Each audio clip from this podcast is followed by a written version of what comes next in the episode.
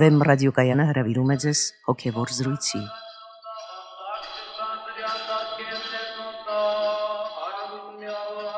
Սիրելի ունկնդիրներ, ձեզ հետ է Արա Սարգսակ Նալչաջյանը։ Այսօրվա իմ զրուցակիցն է արժանապատիվ Տեր Մեսրոպ Քահանա Արամյանը։ Օրհնեցեք Տեր հայր։ Աստված օրհնի։ Տեր հայր, այսօր շարունակենք խոսակցությունը ընտանիքի եւ երեխաների դաստիարակության մասին։ Երեխաների դաստիարակության լավագույն միջավայրը քրիստոնեական բարեպաշտ ընտանիքն է։ Սակայն ինչ-ինչ պատճառներով միշտ չէ որ քրիստոնյա ընտանիքներում անգամ այդ բարեպաշտ մթնոլորտը արկա է։ Օրինակ հնարավոր են վեճեր, անախորժություններ ծնողների միջև։ Ինչպես է այդ ամենը ազդում երեխայի նրա ներքնաշխարի վրա եւ արդյոք երեխան պաշտպանված չէ ներքուստ այդպիսի իրավիճակներից։ Բնականաբար անախորժությունները եւ ներընտանեկան վեճերը, հակասությունները կարող են շատ վատ ազդեցություն ունենալ երեխայի դաստիարակության վրա։ Եվ ընդհանրապես ես նորից ուզում եմ շեշտել, որ բոլոր հոգեբանները եւ նաեւ կրոնի ներկայացուցիչները գտնում են, որ մարդու մեծ տարիքի բոլոր խնդիրները,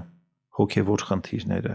խնդիրները, որ առաջանում են, արդյունք են մանուկ հասակում կատարված ինչ-ինչ իրողությունների։ Այսինքն երեխայի հոգեբանության վրա որևէ կտրուկ ազդեցություն դա մեծ տարիքում ունենալու է որոշակի վատ հետևանքներ։ Ես նկատի ունեմ վատ ազդեցությունների մասին։ Եվ այս առումով ծնողները պետք է հասկանան, որ յուրաքանչյուր իրենց արարք ազդում է երեխայի վրա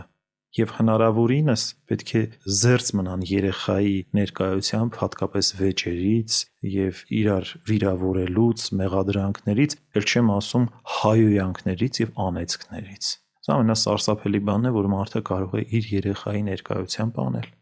Ցանկացած այդպիսի արարք արդեն բույն է դնում երեխայի ներաշխարում եւ դա կարող է արտահայտվել նրա թե հասարակական կյանքում, թե ապագայում իր ընտանեկան հարաբերությունների մեջ Գիտեք, շատ կարևոր է, որ երեխան տեսնի սերը իր ծնողների մեջ, այդ փոխհարաբերության նրբությունը, այդ ներողամտությունը, այդ քրիստոնեական հոգին։ Սա շատ կարևոր բան է իր հոր եւ մոր մեջ եւ ինքը ունենալու է ճիշտ կերպարային զգացողություն. Ով է հայրը, ով է մայրը, ինչ է ընտանիքը, եւ դրա միջոցով նաեւ ինքը ունենալու է քրիստոնեության շատ բնական պատկերացումներ եւ չափանիշներ իր հոգու խորքում։ Սա շատ կարևոր հասկացողություն է։ Այսինքն ներընտանեկան այդ աստվածադիր կարգը եւ օրհնությունը ինքը երեխան նախ եւ առաջ զգում է իր ծնողների փոխհարաբերությունից։ Նույնիսկ իրար նկատմամբ ձայն բարձրացնելը, տոնայնությունների այդ փոփոխությունը եւ այլն դրանք դրական բաներ չեն։ Ցանկալի է, որ երեխան միայն այդ սիրո զգացողությունը ունենա ընտանիքում։ Ես չեմ կարծում, որ ամեն տեղ կարելի է հասնել սրան։ Մենք ինչ որ խոսում ենք որոշակի կատարյալ վիճակների մասին, բայց Դա չի նշանակում, որ այդ կատարյալ վիճակը իրագործելի չէ մեր կյանքում եւ մենք չպետք է ձգտենք դեպի այդ կատարյալ վիճակները։ Դա հնարավոր է իրագործել եւ կան շատ ընտանիքներ, որոնք այդպես են պահում իրենց եւ կարողանում են բարի օրինակ ցույց տալ իրենց երեխաներին։ Եվ եթե մենք սխալներ ենք գործում, մենք կարող ենք թոթափվել այդ սխալներից, մենք կարող ենք զղջալ եւ ապաշխարել եւ դուրս գալ այդպիսի վիճակներից եւ որ շատ կարեւոր է ընտանեկան հարաբերություններում ունենալ այդ ներողամտության հոգին, զիջելու հոգին, երկու ստեկ ունենալ։ Եթե դա լինի, ապա բոլոր անախորժություններից կարելի է շատ արագ եւ դյուրությամբ դուրս գալ։ Պետք է ունենալ ինքնազոհողության հոգի։ Ինչքան մարդը իր սեփական եսը կերակրի եւ փայփայի, այնքան ավելի շատ խոչընդոտների է հանդիպելու իսկ այնպիսի մի իրավիճակ, եթե ծնողները ամուսնալուծված են, որը ներկայումս բավական հաճախ հանդիպող իրողություն է մեր կյանքում։ Դա ինչ բացասական հետևանքներով է հղի երեխայի եւ նրա դաստիարակության համար։ Ընդհանրապես ամուսնալուծությունը քրիստոնեական տեսանկյունից խիստ մերժելի երևույթ է, խիստ մերժելի։ Եկեղեցին շատ խիստ է վերաբերվում այս բաներին։ Իհարկե մենք հիմա համատարած տեսնում ենք մոդայիկ ամուսնություններ եկեղեցով, բայց բաժանվելուց նույնիսկ կարծեք թե չեն էլ գնում հարցնում կարելի է բաժանվել, թե ոչ, մինչդեռ դա շատ խիստ բան է։ Եվ եկեղեցով բաժանվելը շատ դժվար process է, որովհետև դա խորուրդ է, դա յուրահատուկ օրհնություն է եւ մեզ տրված չէ կիսելու այդ խորուրդը կամ պարակտելու աստծո տրված օրհնությունը կամ գործածելու այնպես ինչպես որ մենք ենք ուզում համապատասխանեցնելու դա մեր նեղ եսական ինչ որ նկարտումների եւ այլն Դա խորհուրդ է եւ դրան պետք է զգուշությամբ մոտենալ։ Եվ ես ուզում եմ, որ մարդիկ, երբ որ գնում են եկեղեցի պսակվելու, իրենք հասկանան, թե դա ինչ է։ Հասկանան այդ խորհրդի էությունը, դրա ծանրությունը, այդ պարտականությունը, որ դա մարդկանց արժև ստանձնած պարտականություն չի, այլ Աստծո եւ Աստծո սուրբերի առաջ։ Դա մոդա չէ, քրիստոնեական գիտակցության նահանջի հետևանքներից մեկն էլ սա է։ Ինձ այս վերջերս ասեցին, որ ռուսաց եկեղեցում կիլոմետրանոց հերթեր են առաջացել, որպեսի ամուսնալուծվեն մարդիկ, այսինքն մոդայի կերպով գնացին, հիմա էլ հասկացան, որ ինչ որ բան սխալ են արել, հիմա էլ ուզում են ամուսնալուծվեն, հնում դա վերապահված է եղել միայն կաթողիկոսներին եւ պատրիարքներին բայց թերևս ասենք քիմիկվա պայմաններից ելնելով կարծեմ նրանք արդեն իջացրել են դա եպիսկոպոսական մակարդակ, որպեսի կարողանան այդ ահռելի բազմությունից գլուխ հանել, բայց մեր մոտ դա չի նկատվում։ Այսինքն մեր մոտ ընդհանրապես գնում ամուսնալուծում են առանց հասկանալու, որ իրենք խորհրդի ներքո են գտնվում։ Եվ սա խոսում է մեր ընդհանրապես քրիստոնեական գիտակցության շատ մեծ նահանջի մասին։ Մենք չենք հասկանում, թե ինչ ենք անում։ Հիմա գալով ամուսնալուծված վիճակին, եթե այդպիսի իրավիճակում են հայտնվել մարդիկ եւ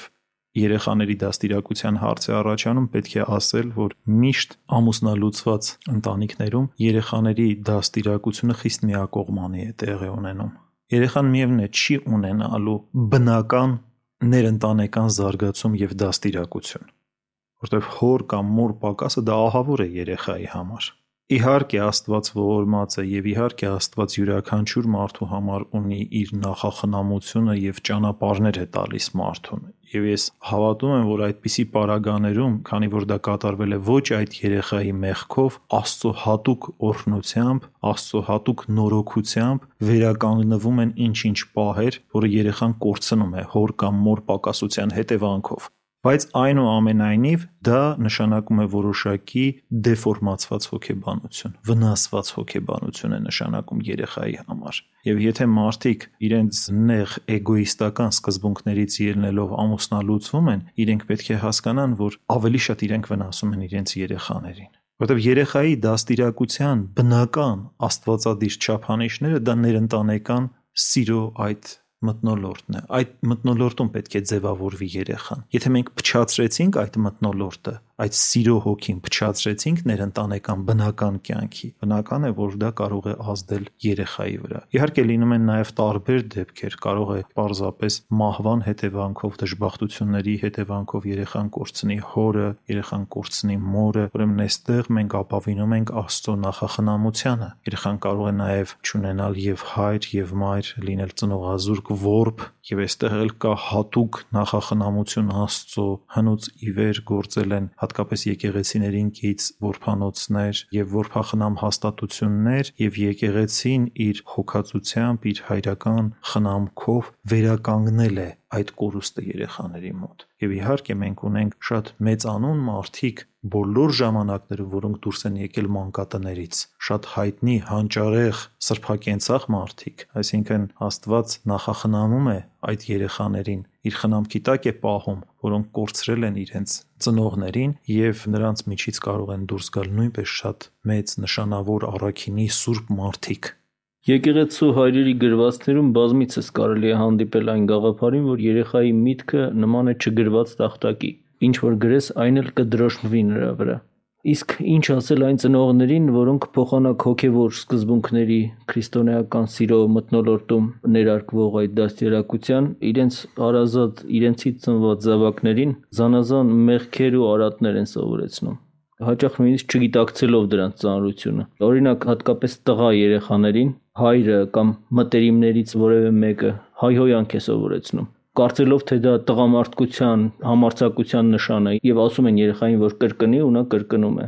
եւ բոլորը միասին բարձրաձայն հռհռում են ու երեխան դրանից ավելի է ողքեվորվում եւ այս կերպով այդ անմեղ մանկանը հստորեն առաջնորդում են դեպի կործանում վատ արարքները ունեն վարակիչ հոգեբանություն եւ ընդհանրապես ասենք եթե մեկը հարբեցող է ինքը մենակ չի խմում ուզում է իր հետելի ընկերներ լինեն որ մասնակցեն իր հարբեցողության այդ ակտին կամ եթե մեկը թմրամոլ է ինքը մենակ չի սիրում թմրամոլությամբ զբաղվել միշտ ջանում է ինչ որ շրջապատներ գրավել եւ միասին այդ ակցիան անեն ընդհանրապես արատները ունեն այսպիսի հոգեբանություն եւ թերևս ավելի սարսափելի արատ է հայոյանքը Հայոյանքը դա ծանրագույն մեղք է, դա ուղղակի նշանակում է անեծք ներմուծել քո ընտանիքի մեջ որովհետև հայոյանքի ժամանակ համարվում է, որ դու ունես ներքին հաղորդակցություն սատանայի հետ, դևի հետ եւ քո բերանով սատանան է խոսում։ Այսինքն երկու կան հակադիր վիճակներ, երբ որ մարդու բերանից աղոտ եւ օրհնություն է հնչում, եւ դրա ճիշտ հակադիր վիճակն է, երբ որ մարդու բերանից հայոյան կամ անեծք է դուրս գալիս։ Սա պետք է մարդիկ հասկանան։ Հաճախ չեն հասկանում, ուղղակի չգիտեն։ Չեն հասկանում հայոյանքը ինչ սարսափելի բան է եւ ինչ հետևանքներ կարող է ունենալ իրենց երեխաների դաստիարակության վրա։ Մարդիկ նաև չեն հասկանում, որ հայոյանքների մի զգալի մաս կա, որ ուղակի ուղված է Աստծո դեմ։ Այսինքն հասցեատերը հայոյանքի Աստված է։ Օրինակ, երբ որ Տեր են հայոյում կամ Տիրոջ մայր են հայոյում, դրանք Աստծո դեմ ուղված եւ Աստվածամոր դեմ ուղված հայոյանքներ են։ Եվ դա սարսափելի բան է, տարբեր ժողովուրդների մոտ տարբեր ձևով է արտացոլված հայկական միջավայրում այդ իրենց թվացող անշար հավյանքը դա ուղղակի Աստծո դեմ եւ Աստվածամոր դեմ ուղված հավյանքներ են, որովհետեւ մարդու Տերը Աստված է եւ Տիրոջ մայրն էլ Աստվածամայրն է։ Ուրեմն ամեն անգամ, երբ որ նրանք փորձում են այդ բանը անել, թող մի հատ մտածեն, թե ում են իրենք հայոյում եւ ինչ անեցքի տակ են իրենք հայտնվելու այդպիսի հայոյանքով։ Եվ իբրև թե իրենք լավ բան են անում, դրան էլ մասնակից են դարձնում իրենց անմեղ երեխաներին եւ այդ նույն դիվային հոգին փոխանցում են երեխաներին։ Եվ առասարակ այստեղ պետք է խոսել ավելի լայն սպեկտրի մասին։ Երեխային խորամանկություն սովորեցնելու, այդ արատի մասին կամ խափել սովորեցնելու, այսպես ասած խորամանկ մի կերպար սարքելու իր երեխայից, որ կյանքի մեջ ճիշտ կողմ նորոշվի եւ դրսևորվի,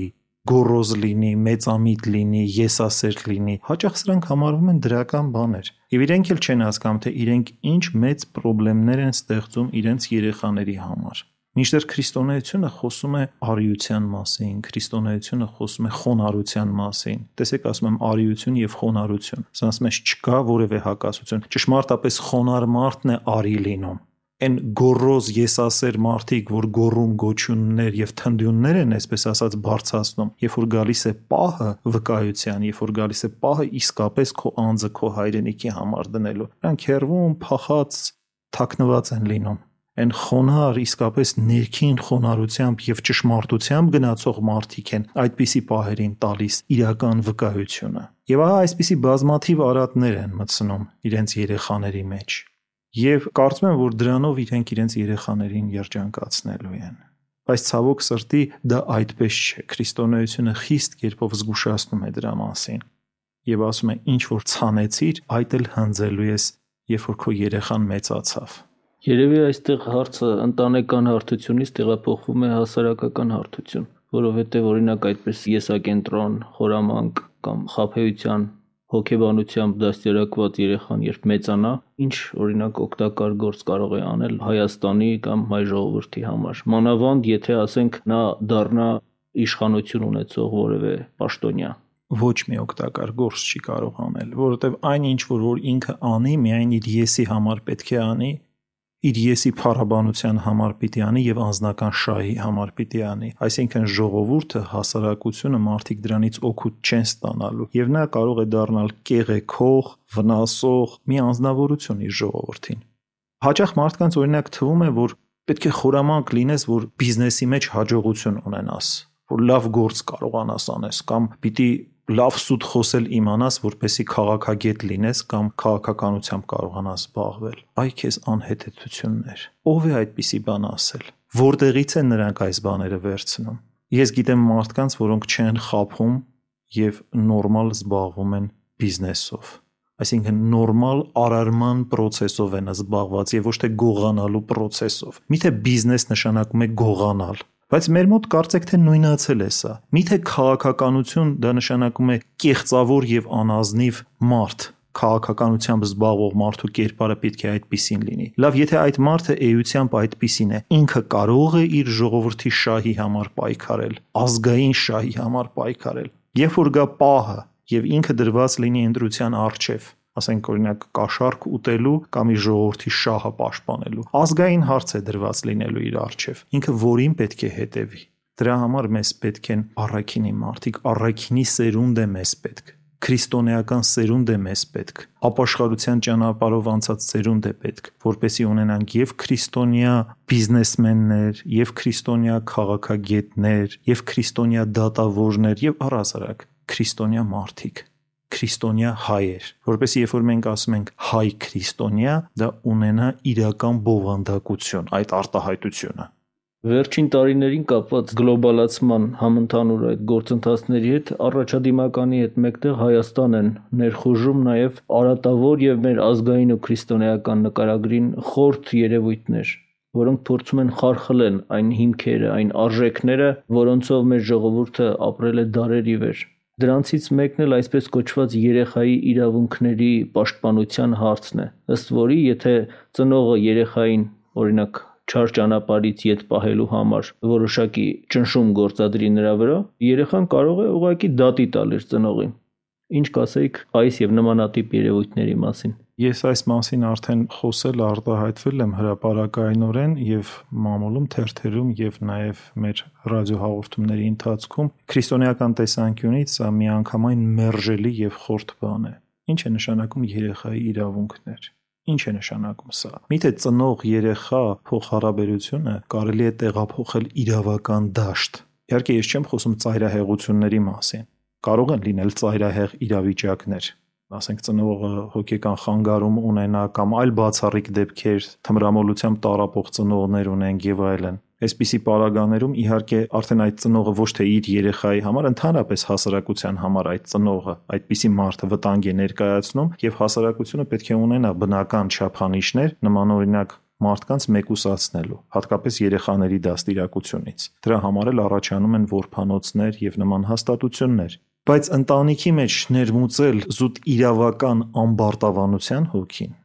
դա միանգամայն վտանգավոր է փոքր ժամանակից երեխայի մեջ պետք է սիրո, հնազանդության, նվիրումի հոգի դնել, աշխատասիրության հոգի դնել, առաքինության հոգի դնել։ Եվ ոչ թե ասել, այ դու ունես այսպիսի իրավունքներ, հանկարծ հենց հարց առաջանա, միանգամից ծնողիդ կարող ես դատի տալ։ Դուք պատկերացնում եք, թե ինչ եսական սկզբունք ենք մենք մտցնում։ Եսակենտրոնություն ենք մտցնում երեխայի մեջ երեխան շատ հաճախ չգիտի ինչ է նշանակում իրավունք, ինչ է նշանակում իրավունքի կիրառում, եւ ինքը կարող է շատ վատ դա գործածել, շատ էգոցենտրիկ գործածում կարող է ունենալ դրա։ Չէ՞ որ մենք երեխայի ձեռքից բռնում ենք, երբ որ երեխան փողոցը անցնում է եւ ոչ թե ասում ենք, որ դու իրավունք ունես ազատորեն այս փողոցը անցնելու, գնա եւ անցիր։ Այսինքն, եթե կան սպառնացող վտանգներ, մենք օգնում ենք մեր երեխաներին, մենք սիրում ենք։ Սա ընդհանրապես քրիստոնեական սիրո հետ անհամատեղելի բան է եւ կարող է մեծապես գրգռել երեխայի եսը եւ տանել շատ վատ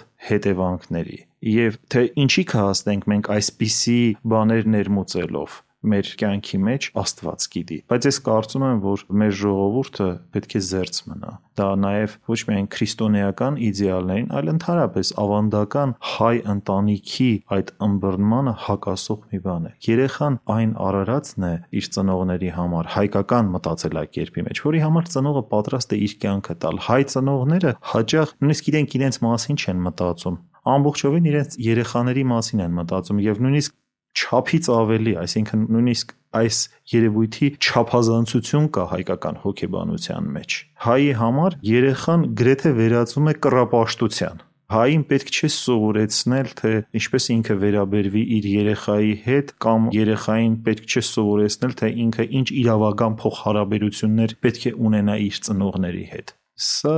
այլասերված, ես կասեի, հասարակության եւ այլասերված մարդկության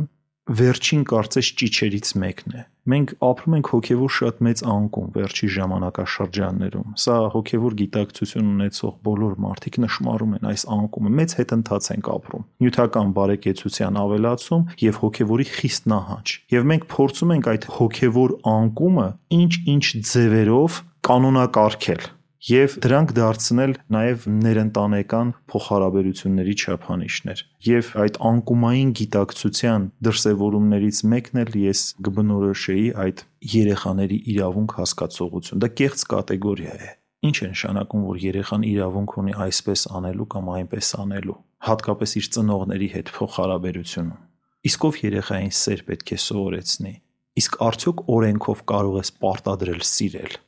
ասես որ դու պարտադրված ես սիրելու։ Դա այլ բան է։ Իսկ եթե երեխան սիրեց, ինքը կունենա ամեն բանի բնական զգացողությունը։ Ուրեմն նախ եւ առաջ պետք է սեր դնել երեխայի մեջ։ Եթե այս խնդիրը մենք լուծում ենք, մենք այդպիսի կանոնակարգումների կարիք բնավ չունենք։ Հենց նման ոտնձգություններից, նման ձևախեղումներից է, որ պիտի պաշտպանենք մեր հայկական ընտանիքները եւ ընտանեկան սրբությունները։ Շնորհակալություն Տեր հայր։ Թույլ տվեք սրանով ավարտել մեր այսօրվա զրույցը ընտանիքի եւ երեխաների դաստիարակության մասին։ Սիրելի ունկնդիրներ, իմ զրուցակիցն էր արժանապատիվ Տեր Մեսրոպ Քահանա Արամյանը։ Օրհնեցեք Տեր հայր։ Աստված օրհնի։